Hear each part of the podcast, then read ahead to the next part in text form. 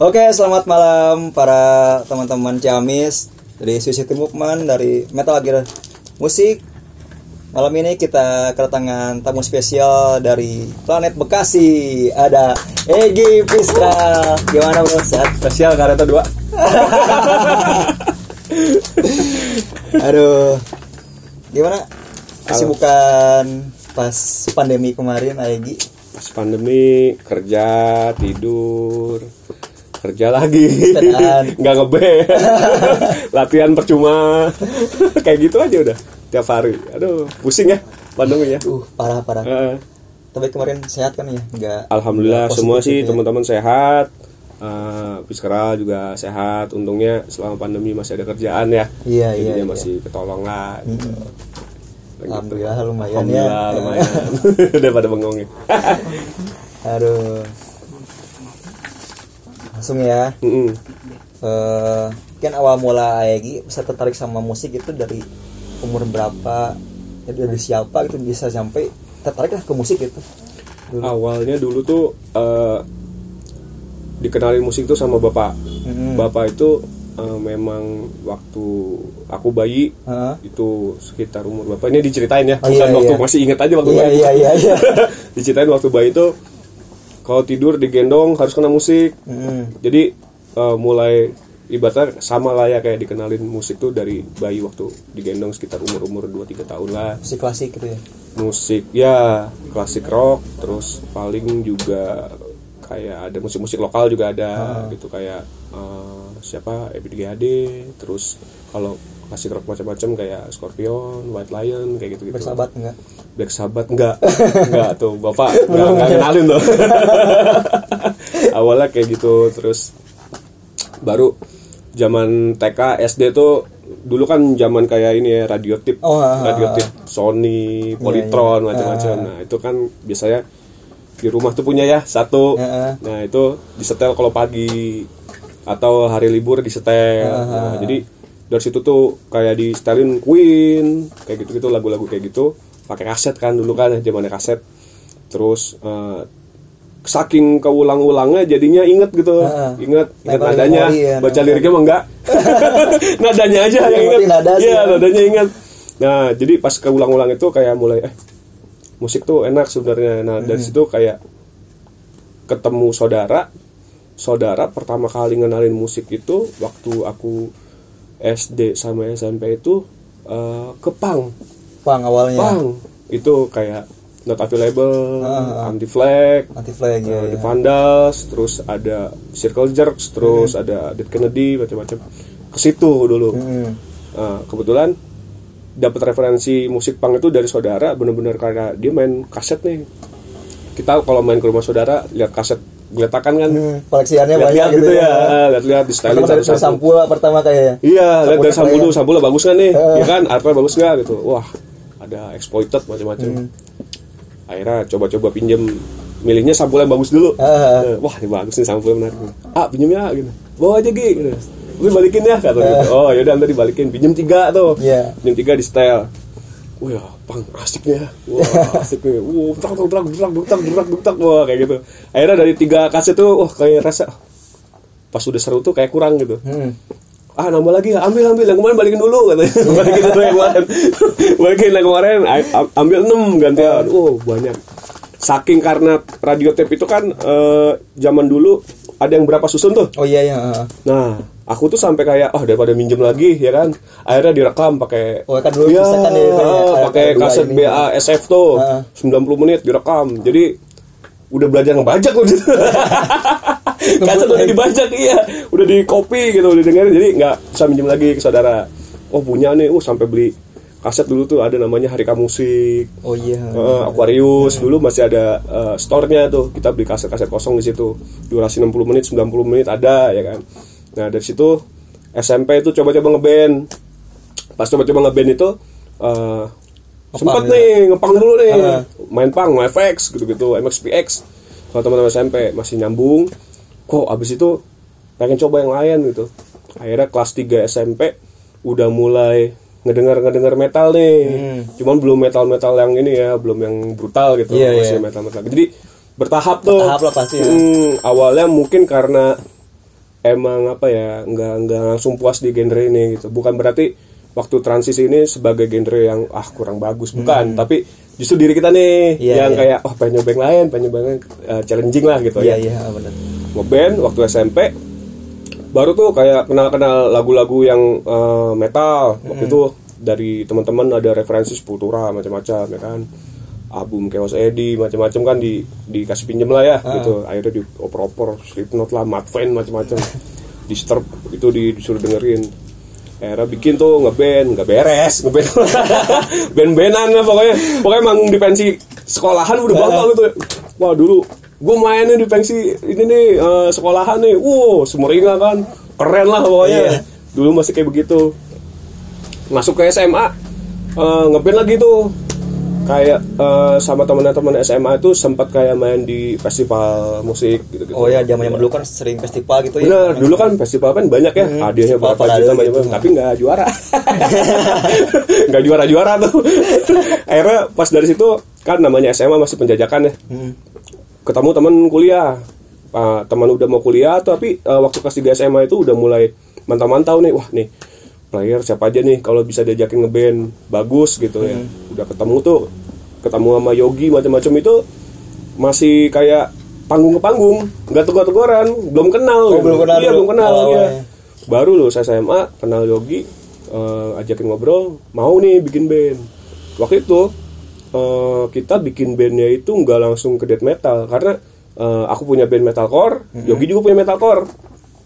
Era-era kill switch gitu-gitu mainnya. Oh. Mm, main-mainnya kayak gitu. Baru setelah main metalcore kurang lagi nih baru nyentuh ke death metal Heeh. pas sama Yogi gabung dap jadinya death metal tuh si Fiskral itu Jadi lapis kral gitu ya. Ya, jadi ada perjalanan proses. Jadi nggak nggak mungkin ya ada ya beberapa teman-teman eh, di skena Jawa Barat atau di Indonesia gitu ya. Ketika pengen ngeband, taunya langsung death metal. Ada kayak gitu. Ada yang gitu. ha. Ada kayak gitu. Tapi sih kalau gitu. Akunya nggak kuat sih dulu. Dari SD kalau udah death metal, waduh pusing juga. asli lah, asli asli. jadi ada step kenalan ke punk dulu, Mm-mm. kenalan ke rock, kenalan ke metal, baru death metal, Emo baru juga. Mm-mm. Kalau waktu zamannya kan ada sempet 2007-an tuh emo ya? Emo, emo. emo, emo, emo tuh lebih di Jakarta Selatan waktu itu. Jadi di Bekasi sedikit lah ya, karena memang skena Bekasi kan nggak sebesar skena Jakarta, tapi memang Bekasi lebih banyak dominasinya itu death metal. Iya iya. Heeh, jadi kita eh, kenanya di di situ jalurnya di death metal itu. Ya baru eh, Fiskal jadi manggung-manggung tuh. Itu tahun berapa dulu pas Fiskral jadi? 2007. 2007. 2007 awal. Hmm. tuh jadi tuh Fiskal. Kita 2007. Pokoknya ada ada masa-masanya band-band di Indonesia itu lebih seneng manggung ah daripada bikin album. Kayak saya. Termasuk dulu gitu. iya. Nah, waktu itu aku uh, punya band tuh mindsetnya pengennya wah manggung lah banyakin. Karena emang mungkin happy-nya di situ ya. Hmm. Tapi ternyata uh, kalau kita udah ini ya, udah paham gitu harus ngapain ngeband itu lebih terarah ya. Harus punya program buat bikin album Hmm. ya kan terus mau digimanain album macam-macam gitu nggak cuman manggung aja Iya iya sih. tapi tetap butuh manggung gitu Betul lah. Sekarang kerasanya kan pas Iya. pandemi gak ada panggung. Iya pas pandemi nggak ada panggung kemarin sekalinya manggung nangis. ya nanti itu dibahas yang, yang itu nanti. Iya, nanti bisa dibahas. Nah. Boleh, boleh, boleh. Eh, pasti kan kalau di band ini pasti ada ada intriknya kayak pertengkaran atau apalah gitu ya Oh, iya. sampai ada yang bisa nyampe keluar dari band itu. Oh iya, benar. Eh, itu gimana sih? Eh, kalau pas Fiskral gitu Hmm. ada hal-hal yang menarik nggak sih pas momen-momen kayak gitu dulu-dulu gitu awal-awal? Eh, sebenarnya gini, eh di band itu pertengkaran sebenarnya lumrah gitu. Lumrah karena pertama ngebentuk band itu bukan berarti kita membentuk musik sekedar musik gitu, tapi kita tuh harus memahami teman kita satu band gitu. Iya, iya. Teman satu band itu posisi bukan teman lagi loh, keluarga. Eh, keluarga, ya kan, iya. udah jadi keluarga gitu. Di mana eh, kita bisa mengutarakan pendapat, tapi nggak boleh ngekill pendapat orang lain Nah, itu. tapi kita tuh harus ngedengar gitu ya kan sesama band kita juga ya kan ibaratnya harus diobrolin bareng-bareng gimana caranya kita punya sifat dewasa di tiap personil untuk saling bisa menerima masukan sebenarnya itu kuncinya nah yang paling riskan itu biasanya eh, selain ini nih adu-adu idealis, Heeh. adu persepsi, urusan uang itu yang paling Nah, paling iya itu. riskan tuh ya. Iya, iya, benar. Nah, sebenarnya untuk bisa ke tahap eh, bikin band ini maksudnya awet ya orang-orangnya, ya kita nge-treat mereka itu bukan sebagai teman yang eh, teman yang ke teman gitu, tapi Hmm. kita harus nge-treat mereka sebagai keluarga. Contoh, eh, kita mau manggung, ternyata si ini nggak bisa. Iya, iya. Kalau orang yang mindsetnya itu dia hanya sebagai teman, pasti dia marah ke temannya. Gimana sih lu ngeband eh, lu nggak nggak bisa manggung ini band ini gimana mau jalan? Jangan sampai begitu. Justru ya udah. Kalau misalnya nggak bisa, eh, berarti next bisa ya, misalnya kayak gitu ya. Udah kita ikhlasin aja panggung itu nggak ada. Udah harus ke tahap itu gitu. Karena selama kita ngeributin eh, jadwal manggung dan ketika personil nggak bisa, itu yang ada di dalam jadi bertengkar terus Iya. justru kita harus emang harus ngertiin oh si ini nggak bisa nih manggung nih. Ya udah berarti cari jadwal yang next aja. Insya Allah lah namanya rezeki manggung macam-macam nggak bakal ketukar sih. Insya Allah gitu. Pantesan saya dulu gitu. oh Makanya jadi keluar. jadi pengennya gitu ya? Iya. gimana sih nggak bisa manggung nih? Udah, udah, udah keluar aja. Jangan jangan kayak gitu. Manggung mah Insya Allah maksudnya kalau nggak ada pandemi macam-macam pasti eh, nggak habis ya. Heeh. sebenarnya nggak bakal habis. Cuman sekarang pandemi kita dipaksa diam dulu band juga ya jadi begini ya. Nah nggak apa-apa. Maksudnya yang penting ketika teman-teman punya kesulitan kan kita visi misi bersama nih ya kan? Bikin materi aja udah berantem masa kayak gini juga diberantemin juga. Capek. Bikin band itu sebagai cara kalian melampiaskan hobi sama eh, apa ya emosional yang positif gitu. Jangan sampai bikin band itu kalian punya ambisi sampai ambisius nih ibaratnya gitu kan untuk menguasai dan menjadi pemenang. Jangan jangan kayak gitu. Mendingan jadi bikin band ayo kita happy happy nih. Kita jalan kalian jalan semuanya jalan dan kita merasakan nih panggung ngeband itu nikmat gitu. Jangan sampai kayak kita ngeband harus jadi nomor satu nih. Jangan jangan kayak gitu. Karena nggak bakal ada habisnya. Iya. kita tuh ngeband sama aja gini. Kita turun ke lintasan res sebuah lintasan res tapi ternyata linta- lintasan res ini nggak ada garis finishnya. Jadi kita nggak pernah sampai tahu Nggak eh, pernah tahu nih sampai kapan nih ngeband nah makanya kita harus ngejaga nih di lintasan ini supaya tetap bisa uh, on track. On track itu ya. tapi dengan cara bukan menganggap semua sebagai pesaing bukan. Tapi lebih ke ayo jalan jalani band ini hidupi band ini uh, sampai kita bisa uh, meraih cita-cita si band ini juga. Jadi kayak gitu Nah, buat teman-teman Jamis yang bandnya jangan berantem yang bandnya bubar-bubar tuh yang personal keluar-keluar dengerin itu tadi itu. Termasuk band saya.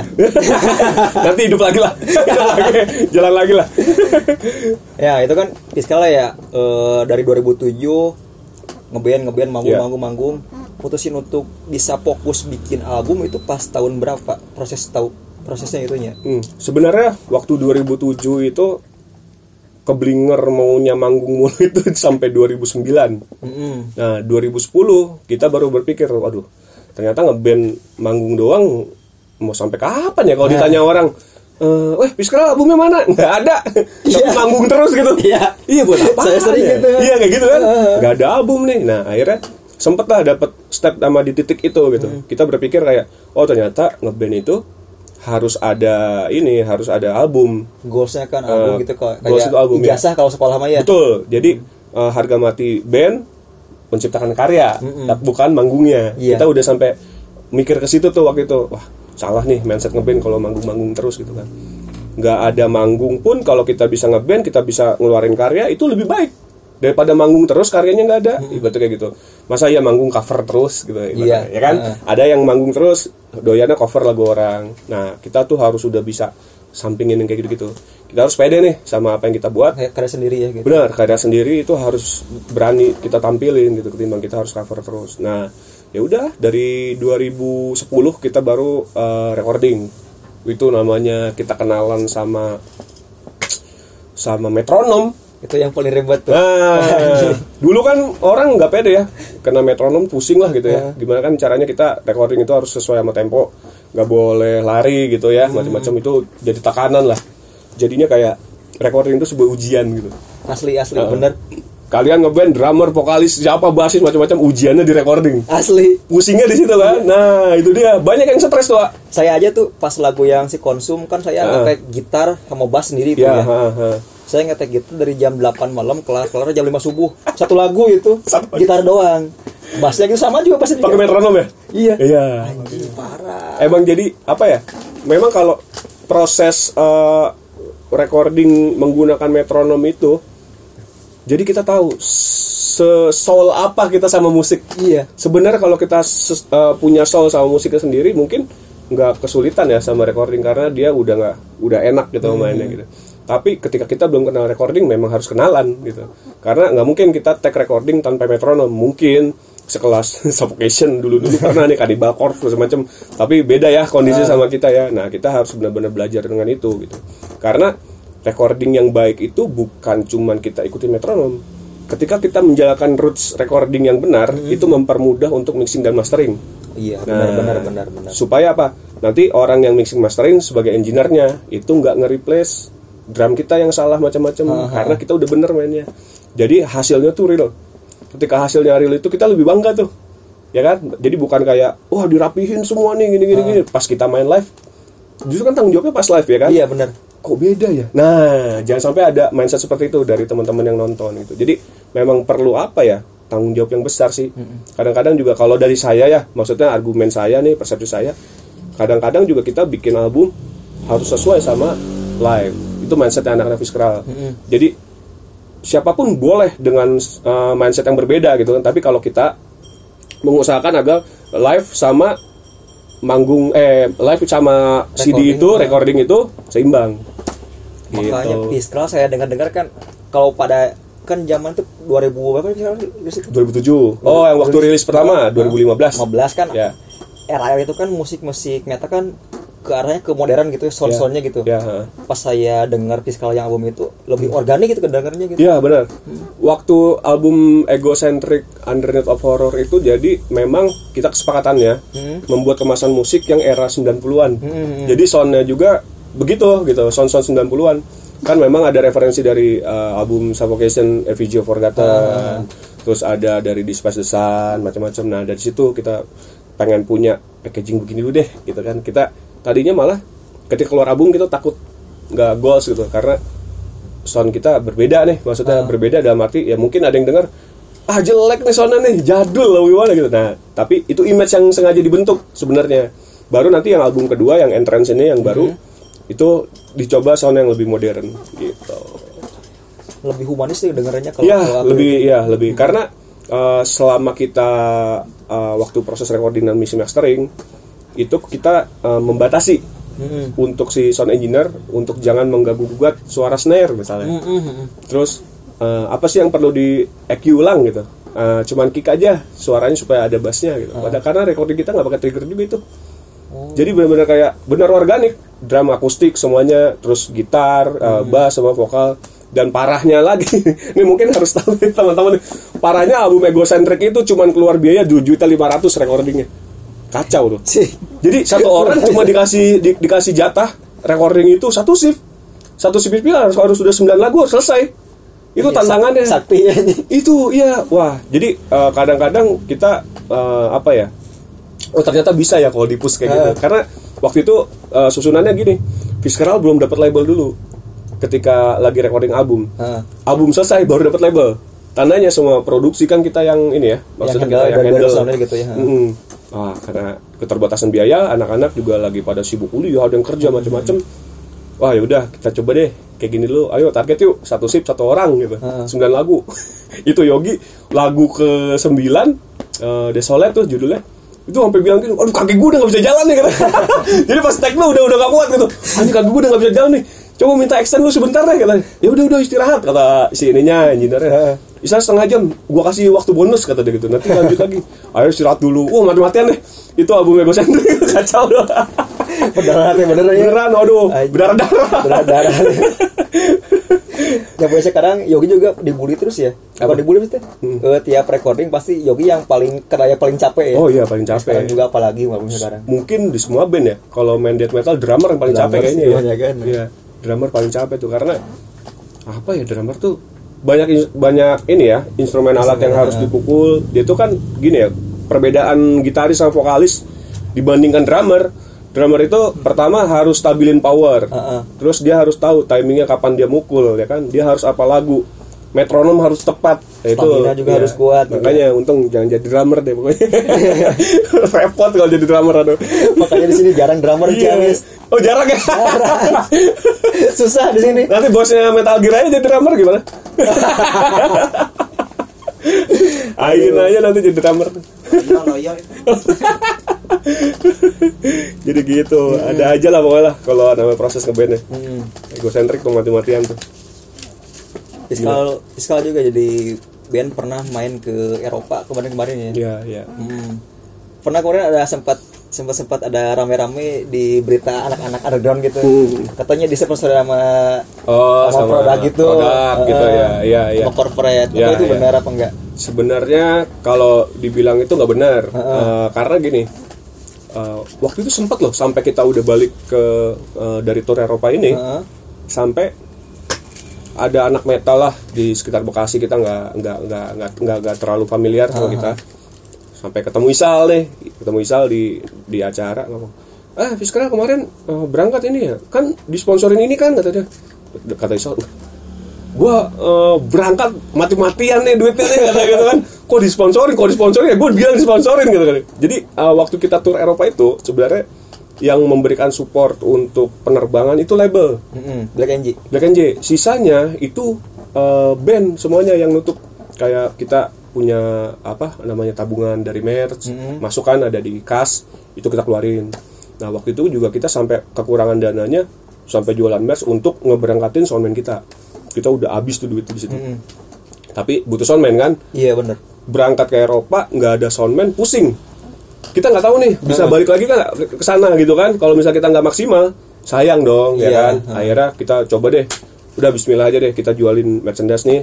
Kalau laku duitnya buat berangkatin si Salim waktu itu. Akhirnya tutup Alhamdulillah itu juga berkat teman-teman sih ya. Maksudnya eh, anak-anak metal di Indonesia support gitu ya pemberangkatan biskral ke Eropa waktu itu.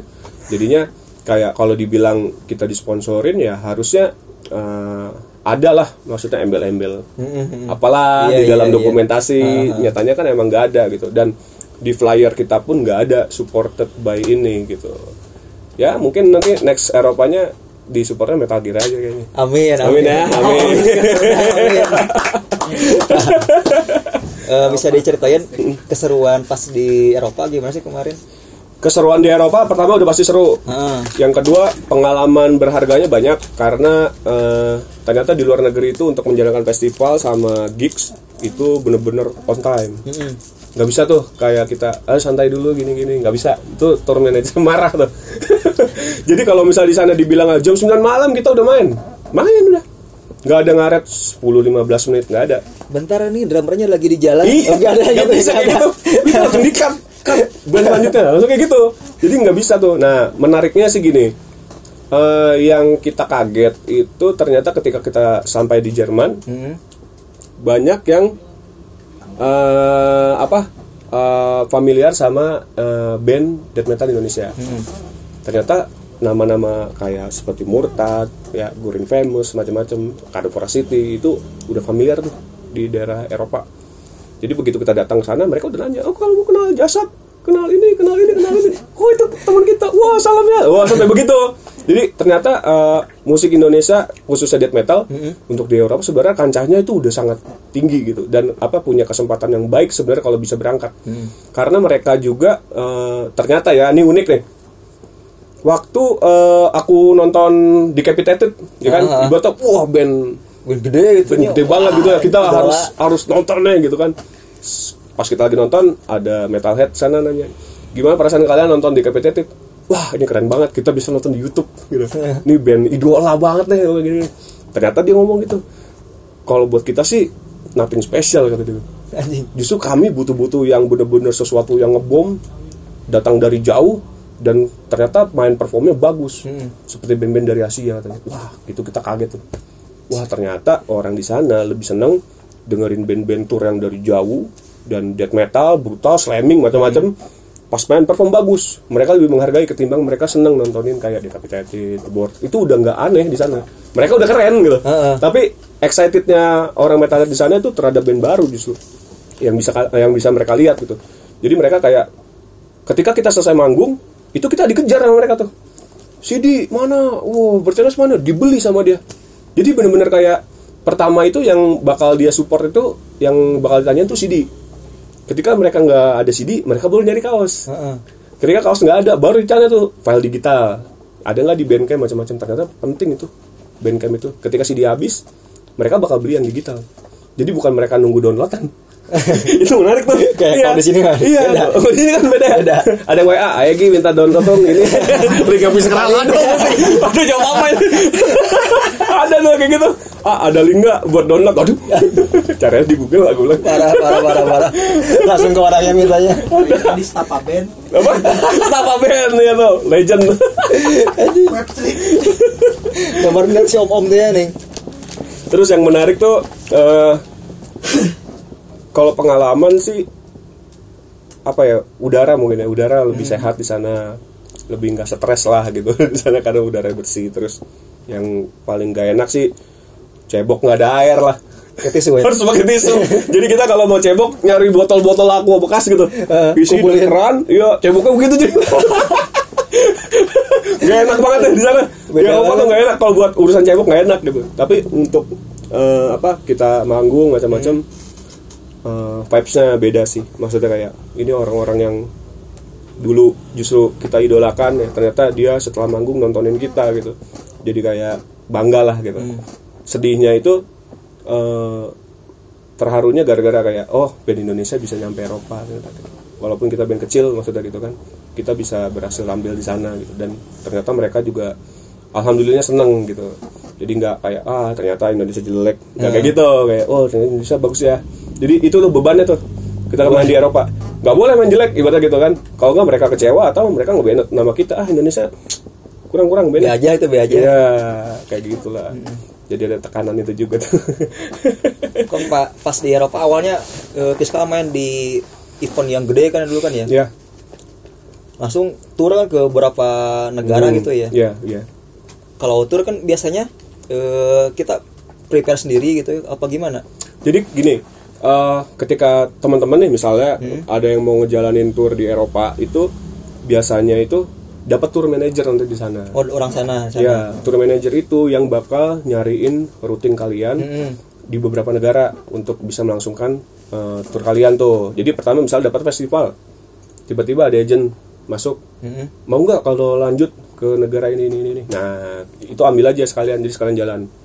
Nggak apa-apa jangan mentingin kayak ah ngapain? Tur mah eh, nggak festival semua gitu nyampe nyapain jangan jangan kayak gitu. Karena gini kita nyampe ke sana itu bukan siapa-siapa loh. Ya kan? Anggap aja eh, kita bukan band yang dikenal. Mungkin di Indonesia kita dikenal gitu ya. Mungkin sekelas yang lain-lain juga dikenal. Tapi ketika kita dari Indonesia keluar mereka itu nggak tahu siapa-siapa. Percuma. Jadi kayak oh. Ternyata kita sebagai band unknown di Indonesia eh, dari Indonesia ke sana tujuan kita tour pertama itu untuk membuat demand. Mm-mm. ketika demand itu terbentuk tandanya itu kita bakal berlanjut.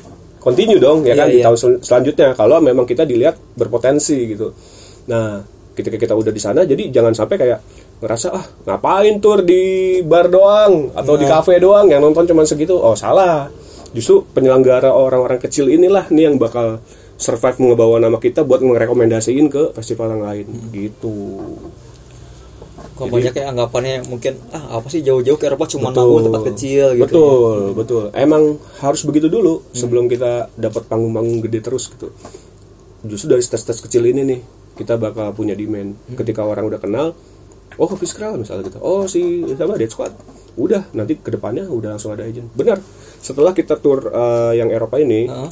jangankan selesai tur ya, turun dari panggung Dead Fish, Mhm. itu ada tiga agent tuh datang kami eh, kami tertarik buat handle tour kalian di Perancis. Waktu itu ada tuh. Eh, nama nama ininya agensinya apa ya gambarnya Palu gitu tuh lupa deh. Nah itu dia nawarin 5 sampai 8 eh, titik Heeh, di Perancis. Perancis. ya dari mulai Paris macam-macam. Nah itu ditawarin di tahun 2020 sayangnya pandemi nggak jadi lah di situ gitu Sempet juga kan mau tour di Asia juga kan ya kemarin. Asia juga nggak jadi juga tuh Nggak gara-gara pandemi. pandemi. Sialan pandemi. iya, gara-gara pandemi ini kacau nih. Hancur semua lah pokoknya ngeband lah. Jadi kayak gitu. Jepang, Korea, eh, terus Thailand, sama Singapura. Rencananya tuh yang tur Asia tuh. Yang nggak jadi. Akhirnya gara-gara pandemi. Berarti pas kemarin yang pas tour di Eropa itu yang di tempat-tempat kayak kafe kayak bar gitu, berarti prepare sendiri ya, band sendiri gitu Oh ya, jadi gini. persiapannya. eh tour di Eropa itu memang eh, segala sesuatunya itu harus mandiri. Mandiri. Mm. Jadi gini loh eh, urutannya. Ketika kita nyampe di Eropa, kalau kita mengadakan tour ke bar atau ke kafe macam-macam, itu kita harus sewa ampli semuanya sendiri. Jadi bar itu cuman menyediakan space gitu. Cuman venue doang gitu. venue doang gitu nggak ada alat band. Nah kalau mau tour kita harus sewa alat band dulu. Untuk tour kita misalnya 10 kota. Heeh. ya udah kita sewa selama 12 hari misalnya. Ya itu buat masuk ke venue-venue itu. Jadi nyampe di venue kalau mungkin kalau di Indonesia enak ya. Heeh. Udah nyampe disedia- venue disediain masuk gitu ya. wah udah ada gitar udah ada bass udah ada ini udah disediain. Nah kalau di Eropa nggak begitu. Eh, di Jepang pun be- begitu harus sewa dulu baru masuk routing alat gitu. panggul-panggul tuh. Wow jibaku lah pokoknya. Selesai main rapihin lagi, masukin ke mobil. Waduh gila capek sih asli. Tapi itu serunya kayak ya. serunya di situ sih. Jadi kayak ada pelajaran oh ternyata eh, kayak Eropa selain harus siapin mental harus siapin fisik. Karena bakal capek banget. Dan duit juga. Duit apa lagi? Itu kita buntung. Jangan ngeband lah. Mending ngebandnya festivalan di daerah aja. masih bahan ya di daerah deh kalau bisa mah. Pusing. Eh, lalu pas ini album baru materinya itu dimulai dari sejak kapan? jadi album baru itu sebenarnya materinya dimulai dari 2018 Mhm. kita record eh, albumnya itu di 2019 jadi satu tahun dari 2018 ke 2019 itu kita bikin materi.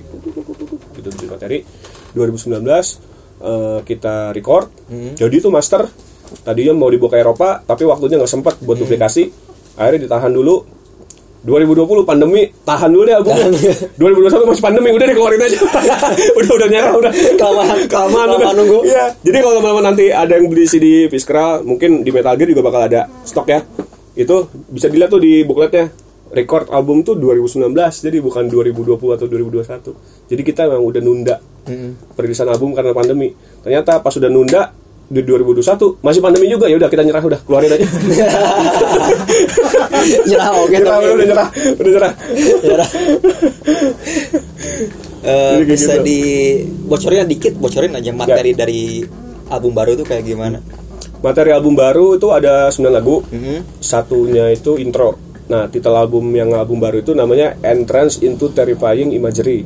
Nah, justru titel album ini kita masukin ke tematik intronya. Mhm. Jadi uh, intro ini emang difungsikan sebagai pintu gerbang ceritanya nih visualnya Iya, iya. ya. Kalau kita berimajinasi itu pintu gerbang menuju pencitraan yang seram, yang buruk lah apa macam-macam kayak gitu.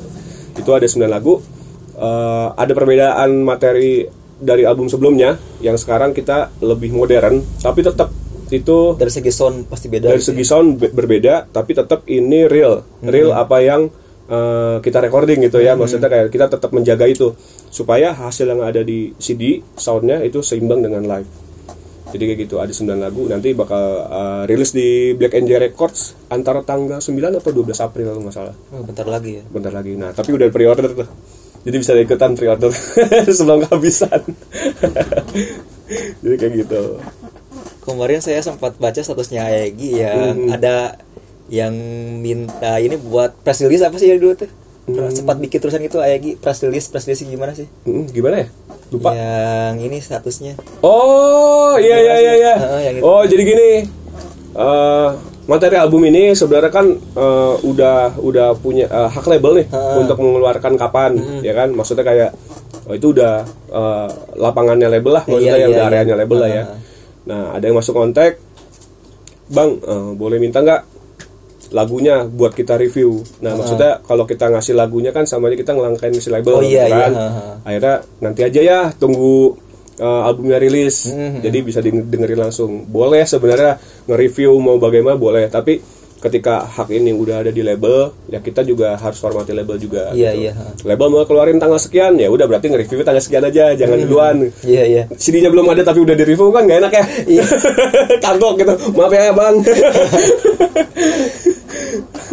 Kayak Gitu. iya spoiler jadinya spoiler. Iya gitu jadi kalau spoiler ya kasihan kan teman-teman mungkin ada sih beberapa teman-teman yang punya pengaruh ya buat Wiskral yang udah dengerin ada tapi kita nggak bisa open itu ke semuanya gitu cuman kayak apa cuman nunggu tanggal rilis aja sih sebenarnya Iya, iya. ya nggak usah ini pasti dapat kok pasti bisa di review boleh kayak kemarin beberapa waktu kemarin kan bikin event juga gitu kan ya. ya Yang private gitu. oh ya yang Yang house apa itu? House of Catacombs. Catacombs, Ya. ya. Itu jadi konsepnya karena eh, kita kan kangen manggung, Hmm. kangen manggung. eh, kita bikin intimate showcase. Pengennya mah nggak intimate, tapi karena eh, lokasi Hmm. Pandemi. venue-nya kecil, Oh iya, lokasinya. eh, pandeminya mah nomor sekian nih. Pengennya sih gede gitu ya, karena nggak bisa, nggak dapat tempat, nggak dapat izin. Akhirnya kita bikin di tempat label sendiri Hmm. di Black NJ. Itu kapasitas cuman untuk penonton 20 orang. Datang tuh waktu itu juga disupport sama teman-teman Metal Gear. Terima kasih banyak. Itu untuk support acara House of Catacombs. Nah kemarin baru bergulir. Hmm. Ya intinya sih sebenarnya eh, kita dapat respon dari teman-teman yang kangen event. Terus dia juga kayak eh, ngeliat lah situasi oh ternyata ketika kita udah ada event lagi kita bisa datang itu terbayar. Kita lebih nyari ke engagementnya gitu, bukan profit ya. Karena eh, dari band penonton sama label pun membutuhkan ini live show gitu Iya, sebenarnya. Ha. supaya supaya apa ya? Supaya bergerak dan masih ada uh, movement lah gitu Iya, ya. ha. nah terus ya mungkin menariknya justru kita baru manggung lagi wah ternyata capek loh. Badan sakit-sakit ibaratnya kayak gitu kan. Terus kayak apa eh, lebih apa ya lebih lebih jadi tegang lagi daripada dulu kan udah rutin ya. Misalnya tuh rutin udah santai gitu. Sekarang kayak baru dari nol gitu. Manggung lagi Kemar- kemarin baru intro udah nangis. Jadi ada emosional tersendiri gitu. Keinget kayak waduh ini bikin event gini susah amat ya. Itu terus kayak eh, harus harus ngumpet-ngumpet gitu selama pandemi ya kan. Kita nggak nggak bisa bebas lah ya bergerak ya. Ya mungkin nggak cuma di skena Jakarta atau Bekasi gitu kan. Di Di Ciamis sini juga sama. di Bandung di mana pun di Jawa Tengah Jawa Timur pasti susah lah ya bikin event ya. Ya kita sih berharapnya semoga Juli atau Agustus sudah bisa running Mudah-mudahan sih. ya. Iya. Tapi sarannya sih kalau teman-teman ada yang mau nekat bikin event bikin aja dah, Bah. udah pokoknya bikin aja deh. Mau masuk ke gunung kayak mau masuk gimana ngumpet-ngumpet udah bikin aja. Ya paling ini push up lah kayak saya dulu. Kenapa usah ya? Kena push up. bikin event ya. beres kelar, be- eh, manggung beres, datang satgas. Di push up semua. Push up. Anjing, parah. Nah, kemarin Forest Gate Noise 1 Hah? itu aku sama Andri dicari-cari polisi. iya, jadi wa- waktu bikin eh, FGN 1 kan di daerah ini ya puncak Hah? itu deket Masjid Ataun. Nah, waktu bikin di, di sana eh, orang yang posek dari Cibodas itu nyariin. Oh, ada orang pengelolanya yang ngasih tahu, "Eh, Pak Egi, Pak Andri, ini polisi nyari-nyari kalian. Waduh, acara belum selesai lagi kan pusing tuh. Anak-anak lagi pada wah wah wah. Kita udah diem aja nih, udah polisi bre gimana? Kalau ketangkep gimana? Panik, udah udah pasrah pasrah pasrah kan udah. Akhirnya nggak nggak kena sih alhamdulillah. Aman sih. Kalau Nggak ketangkep ya. apa? Nggak apa-apa tapi. Nggak apa-apa, akhirnya nggak nggak nggak ketemu venue-nya. Oh, nggak ketemu. Nggak ketemu sama polisi. Kalau ketemu mah mungkin udah di penjara nih sekarang. Kok, bisa nggak ketemu emang? Karena eh, venue yang FGN 1 memang masuknya ke bukit. Jadi eh, akses jalan juga emang hancur. Tapi begitu kita dapat jalan hancur ke venue-nya, uh bagus banget. Memang susah dijangkau. Dan kalau misalnya itu kita berang-berang, berang nggak kedengeran ke jalan. Gitu. Jadi bener-bener aman. Cuman horor tempatnya.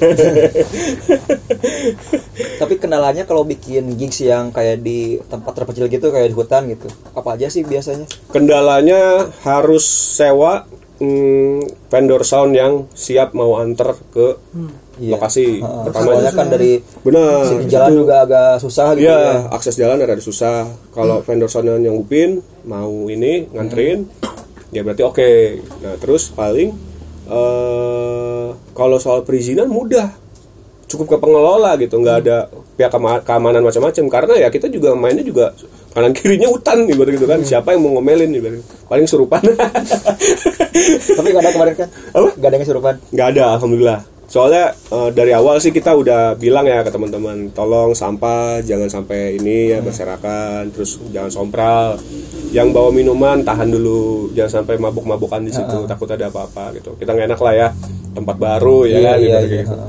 nah sempat dicari polisi akhirnya nggak ketahuan tempatnya. Ya udah aman lah sampai sekarang. Nggak tahu nih Gen 2 gimana.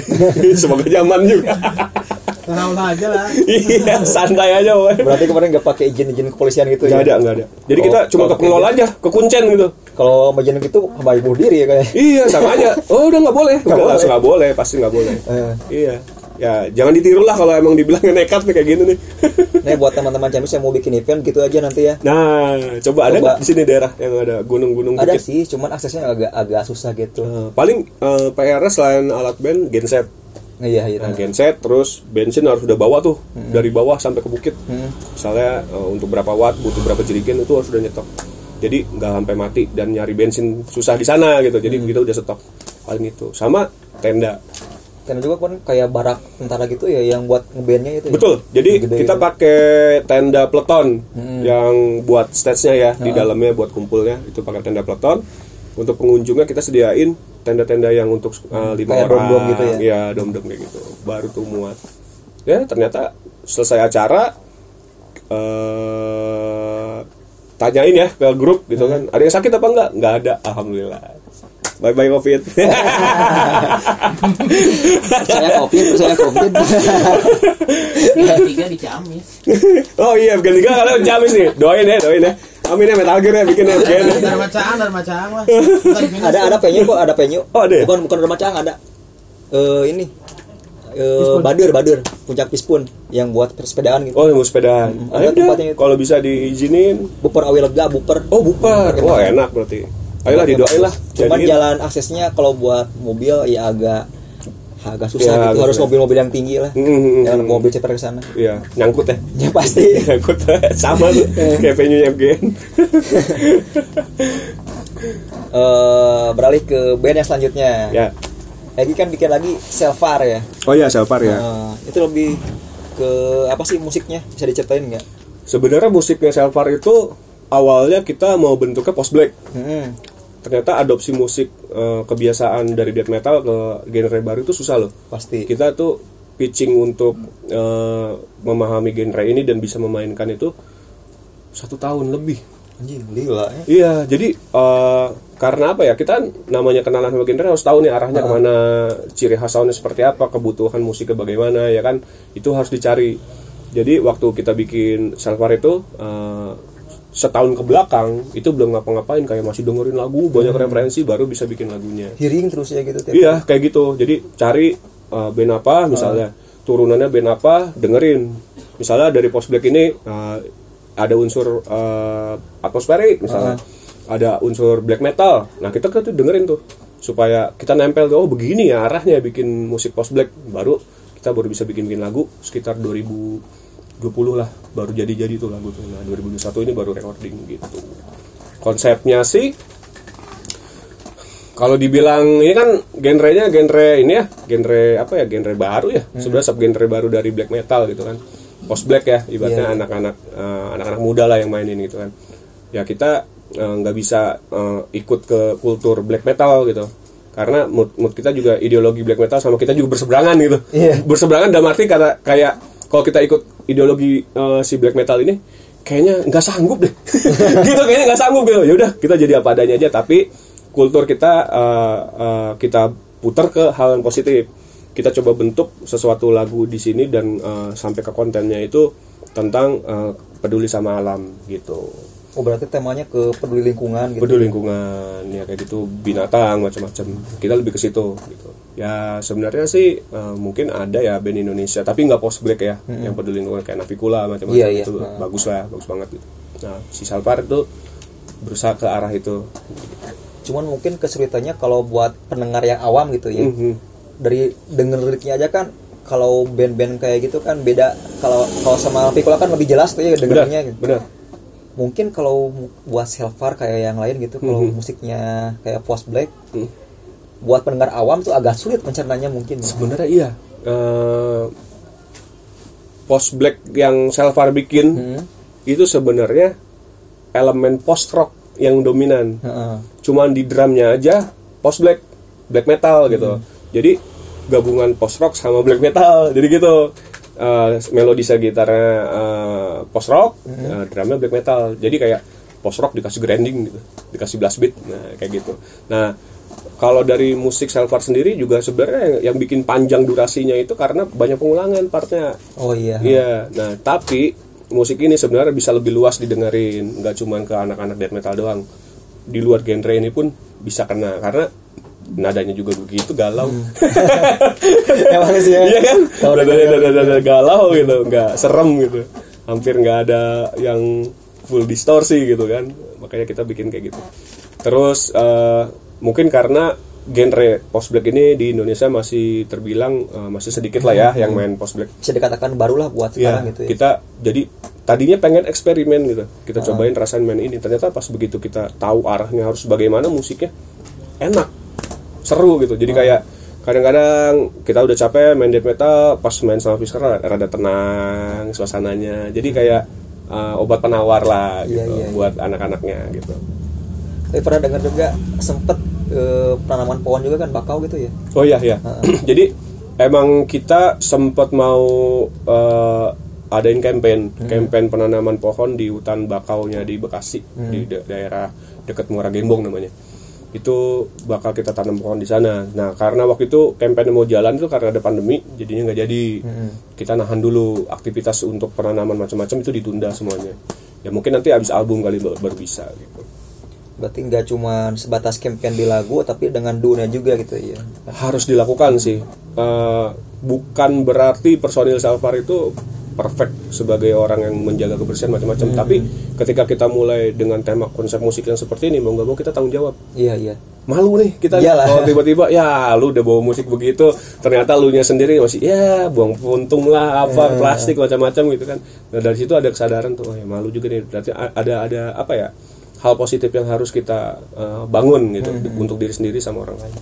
Jadi kita emang sengaja ngasih kesadaran lah ke teman-teman yang ngedengar oh ternyata penting juga nih untuk ngejaga lingkungan gitu kan untuk kita uh, jangan sampai ada uh, kekerasan terhadap hewan. Iya iya.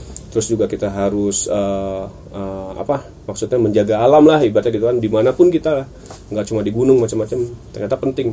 Karena harus tahu lah teman-teman itu eh, sampah sampah Indonesia tuh udah udah gila-gilaan. Udah parah banget sih. Udah tontonan ribuan ton ibaratnya di laut itu udah tercemar macam-macam. Kita itu bukan sebagai orang yang memberikan perubahan terus berpengaruh untuk negara. Bukan bukan kayak gitu. Tapi perubahan kecil inilah yang kita tanam nih supaya teman-teman juga eh, bisa ikut gitu. Supaya iya gitu bu- bisa ada kesadaran lah kayak gitu. Jadi konsepnya seperti itu. Memang lebih berat di konsep kalau Safar kalau untuk lagu ya nggak bakal seserem seserem sama death metal lah gitu tapi lebih enak aja gitu lebih enak Ya. lebih adem lagi di kuping ya lebih adem di kuping ya di kuping udah dibandingkan sama fiskal gitu Iya, kalau jajot jajot jajot lah. Kalau mah beda, santai. gitu. Disangkanya saingan Noah kemarin juga. Jadi kayak gitu. Lalu kemarin juga sempat eh, saya dengar ada berita juga super group ini Indus Deception Oke. Oh ya Indus ya, Indus. Ya. Indus Deception itu sebenarnya inisiasinya dari Fairly. Eh, jasad Jasa bikin pengen bikin eh, death metal, tapi kita nggak ngejar seremnya nih A nih. Kita ngejar itu eh, enaknya gitu. Jadi kayak kayak mungkin temponya juga kita nggak bakal sekencang visceral atau jasad gitu. Justru lebih di bawah itu. Tapi bagaimana dengan tempo yang di bawah kita bikin musik yang enak gitu. Goalsnya sih itu. Nah itu memang Fairly yang inisiasi. Eh, sejauh ini sih masih pada bikin materi ya. Itu ada Acung dari Intervector Man, Oki dari Jasad, eh, Jano dari Fiskral, eh, aku dari Fiskral juga. Nah jadi berlima lah nih nanti bikin ininya. Super group ini bener Kalau super grup itu sebenarnya ya kata orang sih. Iya, kata orang. dibikin-bikin aja tuh. Jangan dibilang super grup lah berat anjir. soalnya orang-orang di belakang juga Haji ini orang-orang hebat tuh Enggak lah, sama aja. iya. Tapi sekarang lagi progres kayak gitu Lagi progres itu uh, kemarin ketemu Fairly juga sama Oki sama Acung di Bandung.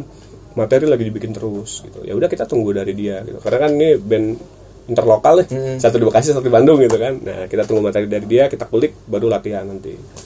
tapi ada Gitu. ada kesulitan nggak kalau personil LDR gitu ah, kan di Bekasi kan ya Iya. yang lain di Bandung kebanyakannya gitu kesulitan pasti eh, apalagi itu untuk orang yang bikin lagu ya tugasnya bikin lagu dia pasti butuh personil yang terdekat sama dia Iya, terutama drum Heeh. jadi ketika gitaris bisa bikin lagu kalau nggak ada drum bisa mentah juga jadinya ya kan? Nggak nggak bisa tektok iya. Makanya kenapa dari Bandung tiga orang dari Bekasi dua orang. Karena porsinya bass sama vokal itu bisa belakangan. Iya iya. Tapi dua gitaris sama drum itu harus duluan gitu. Kendalanya itu. Mungkin eh, kendalanya yang kedua itu karena pandemi jadi susah bisa mobilitasnya kurang lah jadinya gitu. Oh iya pantesan saya juga kan. Band saya juga kan drummernya kan di, di luar sekarang. Oh di mana? Di Malang. Oh di Malang. Sekarang. oke jadi sekarang pakai additional dulu yang di sini. Pas bikin materi lagu itu yang susah. Selisih ya. Heeh. jadi kan di sini kan cuman saya saya sama gitaris ya. bass di sini Hmm. tiga. Misalnya di sana. Pas ketemu drummer susah lagi tuh bikinnya. Iya. iya ya kayak gitu sebenarnya kayak tadi yang tadi udah disebutin. Ya memang harus ada apa ya kita harus tahu nih dari lima fungsi player ini yang paling dominan untuk membuat lagu siapa pertama. Yang kedua si player ini yang bikin lagu butuhnya siapa iya iya nah harus tahu itu dulu kalau dia udah butuh oh ternyata gue butuh drummer ya berarti harus satu kota yang enak Heeh. nanti player lain bisa ikut gitu pusing sih jadi gitaris juga bikin lagu ya Tadinya saya ngikutin gitu kayak si Murtad kan, Murtad sempat LDR Iya, kan, yang iya. dulu si Vega yang di Surabaya. oh Vega ya Nah, dulu kan sempat Mm-mm. Terus Hanan ya? Heeh, Hana Hanan, juga basis di- ya, heeh, di Malang. Tulung Agung gitu. Arif ya? Mm-mm. Iya pusing sih Masih Andri loh Si Ari juga bisa kok. Kalau saya coba bisa nggak ya gitu. Ya. gitu. Oh, pas dicoba anjing susah ternyata. Susah ya? Kudu ekstra sabar sih Iya, sebenarnya bener. ya. Heeh. Mungkin bikin formulasi Bikin materinya yang agak lebih uh, fleksibel Misalnya gitaris bisa bikin gambar drum dulu Ya iya. Uh, nanti oper ke drummer, begitu drummer ngerasa kayak, ah ini butuh direvisi nih, gue maunya ketukannya begini, misalnya gitu, baru diganti lagi ketukannya. Mungkin kayak gitu polanya, karena kan uh, LDR nih, ya Iya. kan? mungkin kalau satu kota mah nggak perlu kayak gitu, gitu kan. Ya, mungkin harus mikir juga nih gitaris nih, bikin gambar drum dulu, oh ketukannya seperti ini, nanti dia baru masuk.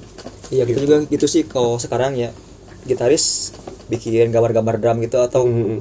eh, minta bantuan ke teman drummer Ciamis itu ya. Ya, Tolong gambarin musiknya kayak gini. ya, Ketentuan baru tuh ya, gitu, dikirim ya. Hmm, nanti kalau dia ini Kalau baru udah revisi oke, ya. Oke kalau revisi ya paling dikit-dikit gitu. Ya, ya gitulah pokoknya. Kali kemudian. Lika-liku Gak ngomong. enak ngeband sebenarnya. Jadi mending ngeband sama yang satu kota sih. Iya, pusing yang ada layar. iya. Oke lah, closing Eh, dari Ayagi buat teman-teman Ciamis atau teman-teman metalhead yang di Indonesia yang lagi nonton. Oke. Closingnya skena itu adalah ekosistem di mana di dalam skena itu terlibat label, terlibat band dan yang nggak lupa itu terlibat fans atau penonton. Gimana caranya kita nge- nge- ngejaga 3 sampai 4 elemen ini untuk bisa tetap hidup, untuk bisa tetap lestari gitu. Tandanya support yang kalian berikan itu berpengaruh kelangsungannya untuk band, untuk label, untuk penonton. Harus bagaimana? Harus punya silaturahmi yang baik. gitu. Jadi ngeband juga nggak cukup kalau cuman keren. Attitude sama silaturahmi harus Attitude, dijaga. gitu. Untuk teman-teman Ciamis pokoknya semangat. Kalau ada event datang support beli tiket jangan lupa Beli tiket, jangan nerobos, jangan panitia pusing kayaknya bikin event ya masa nggak bayar tiket gitu ibaratnya.